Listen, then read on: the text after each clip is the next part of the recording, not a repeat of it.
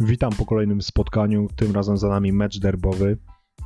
W ostatnich latach nasze pojedynki z polskim cukrem Toruń zyskały sporą rangę i decydowały nawet o zdobyciu trofeów i to tych z najwyższej półki. Obecnie niestety rzeczywistość jest zupełnie inna, smutniejsza dla jednych i drugich. Tak można to najłatwiej określić, bo teraz zarówno Anvil, jak i twarde pierniki nie myślą raczej o złotych medalach, ale bardziej marzą o kwalifikacji do playoff. Ale mimo to na parkiecie nie brakowało emocji. A dla nas najważniejsze jest to, że Rottweilery wygrały 77 do 75. Na boisku było jednak widać, że spotkały się drużyny raczej z dolnych rejonów tabeli niż z czołowych miejsc. Brakowało w tym wszystkim takiej typowo koszkarskiej jakości. No to nie był spektakl najwyższych lotów, na pewno nie. My mieliśmy przed tym spotkaniem swoje wewnętrzne problemy, bo jak wiadomo, dopiero co odszedł od nas Walerii Lichodiej. Na pożegnanie Rosjanina jeszcze przyjdzie czas z, mojej strony. Co gorsze, kontuzji kolejnej doznał Przemysław Zamojski i musieliśmy walczyć bez, dwóch, bez tych dwóch zawodników. Z kolei twarde pierniki, no w obecnych rozgrywkach, delikatnie mówiąc, nie imponują w meczach wyjazdowych, bo do tej pory nie wygrały żadnego takiego pojedynku i podtrzymały tą serię w Włocławku, jak widać. Chociaż miałem pewne obawy, bo wiadomo, jaki ten sezon jest w naszym wykonaniu, jak prezentuje się nasza forma i jak bardzo lubimy sprawiać prezenty rywalom. I tak, i miałem obawy, że obdarujemy swoich sąsiadów kolejnym prezentem, ale na szczęście te obawy nie znalazły potwierdzenia w rzeczywistości, bo stwierdziliśmy, że chyba innym możemy rozdawać, ale sąsiadom nie wypada, sąsiadom trzeba pokazać swoją klasę. I tak było chociaż ten swój cel osiągnęliśmy w drodze przez mękę, bo naprawdę mieliśmy cały czas problemy, mieliśmy problemy, które są przez cały obecny sezon aż za bardzo widoczne w naszej grze. Często w naszym ataku brakowało pomysłu, często to było po prostu jakieś wolne rozprowadzanie piłki i troszkę rozpaczliwe rzuty z dystansu, a rzuty trzypunktowe nie były naszym sprzymierzeńcem e, dzisiejszego dnia. Zanotowaliśmy zaledwie 6 na 23 z linii yy, trzypunktowej. Artur Mieczarek miał 1 na 6, Krzysztof Sulima 0 na 4, Curtis Gerals 1 na 4, Andrzej Pluta 0 na 2. No to nie była nasza silna broń. Brakowało mi w grze Anwilu więcej kombinacji, więcej jakichś akcji dwójkowych, jakichś zejść, ścięć, współpracy całego zespołu. No brakowało mi tego, czyli brakowało mi tego, czego brakuje mi przez cały obecny sezon. W obronie też nie było rewelacyjnie, nie było nawet bardzo dobrze. Chociażby przykładem jest pierwsza kwarta, w której pozwoliliśmy sobie rzucić 30 punktów. Mimo dobrego startu, dobrego wejścia w ten mecz, bo na początku zyskaliśmy przewagę, nawet tam było 8 do 3 bodajże, ale później było tylko gorzej. Później, później Toruń złapał swój rytm i my pozwalaliśmy im na to, pozwalaliśmy im się rozkręcić. I naprawdę miałem obawy, że to zakończy się źle. No i było ciężko, bo goście prowadzili przez większość, e, większą część meczu, byli na prowadzeniu przez ponad 28 minut. W samej czwartej kwarcie, w połowie tej kwarty mniej więcej, prowadzili jeszcze 68 do 75, ale od tego czasu totalnie stanęli. Totalnie stanęli i nic więcej nie zrobili. Te ostatnie minuty przegrali 9 do 0. Przez ponad 4 minuty ostatnie 4 minuty czwartej kwarty nie zdobyli żadnego punktu. Dzięki temu przejęliśmy ten mecz, wykorzystaliśmy swoją szansę, którą otrzymaliśmy i postawiliśmy na swoim. Nie rozumiem kilku decyzji toruńskiego zespołu w tej końcówce, w tych ostatnich minutach, a właściwie to nie rozumiem decyzji oczywiście trenera Jarosława Zawadki. Nie wiem dlaczego w ostatnich sekundach pozwoli nam e, dograć akcję do końca, czemu nie faulowali. E, nie wiem dlaczego w pewnym momencie Aaron Cell rzucał za trzy z raczej nieprzygotowanej pozycji po zaledwie kilku sekundach ich akcji, zamiast wykorzystać większą ilość czasu, bo wtedy byli jeszcze na prowadzeniu. I co najbardziej tak boli, znaczy nie mnie boli, mnie cieszy, ale dlaczego w najważniejszej części meczu Donovan Jackson był praktycznie przyspawany do ławki? Amerykanin, który tego dnia był naprawdę świetny, rewelacyjny, trafiał mnóstwo niesamowicie trudnych rzutów z, z ręką obrońcy praktycznie na twarzy, ale dla niego to nie stawiło, stanowiło problemu. Jackson zdobył 20 punktów, miał 4 na 4 za 3, ale potrafił też współpracować z kolegami, bo zanotował 8 asyst. To są takie pytania, które rodzą się w mojej głowie po tych ostatnich minutach, bo po prostu nie rozumiem, nie znam odpowiedzi na to. To trochę kłóci się z jakimiś takimi koszkarskimi standardami, ale na szczęście to nie są nasze problemy, to nie są nasze e, kłopoty, to nie są nasze błędy. Powiedziałbym nawet, że mówiłem, że lubimy obdarowywać innych w tym sezonie, ale tym razem to ekipa polskiego cukru obdarowała nas. Dała nam prezent przez swoje błędne decyzje, a my ten prezent wzięliśmy i wykorzystaliśmy, zrobiliśmy swoje. Tylko to nie byłoby możliwe, gdyby nie jedna osoba, a mianowicie Iwan Almeida, który trafił dwie trójki w kluczowym momencie. Ten sam Iwan Almeida, który przez wcześniejsze minuty na parkiecie raczej nie zachwycał. Ale już wielokrotnie wspominałem, że to jest taki typ zawodnika, który może wręcz męczyć się na boisku, ale w odpowiednim momencie może załapać, załączyć się, odpalić i dać drużynie to, co drużyna po prostu najbardziej potrzebuje. I tak było w tym pojedynku z polskim cukrem Toruń. Wcześniej Almeida miał swoje problemy, wcześniej nie trafił, oddał 5 rzutów z gry i żadnego nie trafił. Te dwie trójki to były jego pierwsze trafienia z gry. W ogóle mam wrażenie, że El Condor czuł, że coś jest nie tak, czuł, że to nie jest jego dzień w ofensywie i grał o wiele bardziej pod zespół, czego dowodem jest 7 asyst, miał też dodatkowo 8 zbiórek, a ogólnie jeśli chodzi o dorobek punktowy, to uzyskał ich 14, czyli statystycznie wypadło naprawdę całkiem solidnie, ale te jego dwie trójki z końcówki miały niesamowitą wartość. Wartość zwycięstwa, tak to ujmę. Almeida znacznie przybliżył nas do tego zwycięstwa, ale kropkę nad i postawił Kendall Dykes swoim wejściem, udanym wejściem na kosz w decydującym momencie. Kendall Dykes, który był tego dnia naszym motorem napędowym, bo na przestrzeni całego spotkania to właśnie KD był naszym najlepszym zawodnikiem. Czuł się bardzo pewnie na parkiecie, miał ten swój luz, bardzo odważnie atakował kosz. Dorobek 20 punktów, 5 zbiórek, 3 asysty mówi za siebie. On prawie w ogóle nie opuszczał parkietu, spędził na placu boju ponad 37 minut. Widać, że trener Fasunkiewicz bardzo mu ufa, a Amerykanin odpłaca się dobrą grą.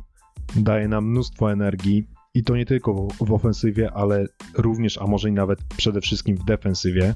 I cóż, podpisał z nami pierwszą umowę zaledwie na miesiąc, który już praktycznie mija, ale po rozstaniu z Lichodiejem mamy miejsce, aby związać się z Dykesem na dłużej.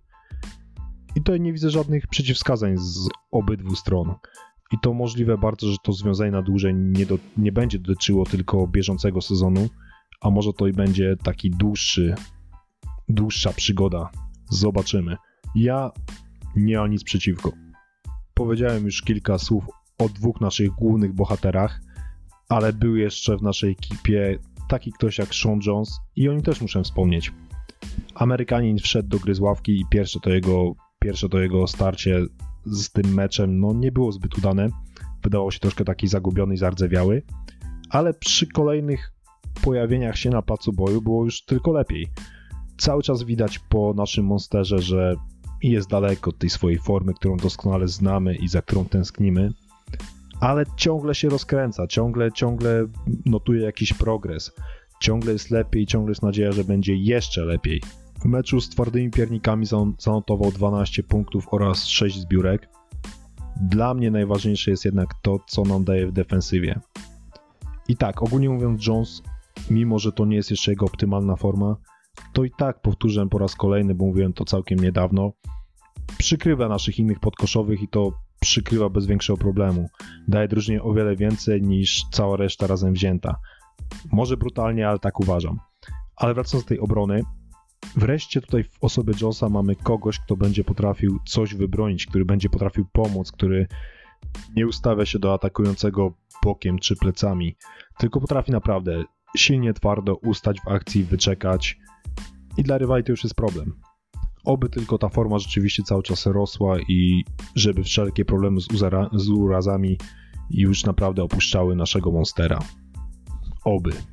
Bo już teraz daje nam te elementy, o których wspomniałem, a może dawać na. może dawać tego więcej na większą skalę. I na to liczę, i te, bo tego potrzebujemy. Kolejny nasz zawodnik, o którym powiem dwa słowa, to Curtis Jarrells. Amerykanin miał świetny początek, ale później totalnie jakoś nam, nie wiem, zgasł na tym parkiecie, nie był w ogóle widoczny, skuteczność spadła, a co gorsze, często też y, nie podobało, nie podobało mi się za bardzo jego rozgrywanie, bo w kilku akcjach uważam, że niepotrzebnie zwolnił. No cóż, potencjał na pewno ma. Cały czas nie wiem, czy to jest do końca taki rozgrywający, jakiego my potrzebujemy. No ale mamy tego Gerrarsa, więc mam nadzieję, że w kolejnych meczach będzie tylko i wyłącznie pokazywał ten swój potencjał, tak jak to miało miejsce chociażby w Gliwicach.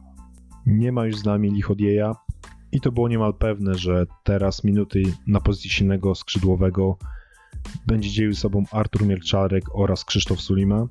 Tak rzeczywiście było w meczu z polskim Cukrem Toruń. Ani dla jednego, ani dla drugiego to nie jest optymalna pozycja na boisku i miewali tutaj swoje problemy, ale skupię się w tym momencie na Krzyśku Sulimie, bo jak wszyscy wiemy, pamiętamy, przez długie miesiące grał jako ten silny skrzydłowy i tam wypadał tak średnio, powiem delikatnie, średnio. W ostatnich tygodniach trener Fasunkiewicz przesunął Żubra bliżej kosza i tam było już znacznie lepiej. Teraz niestety z przymusu, no bo innej opcji nie widzę tutaj, nie widać w tym zespole. Sulima musi znowu grać na czwórce. No i no nie podoba mi się to do końca, bo uważam, że to nie jest do końca, to nie jest koszkówka w jego stylu.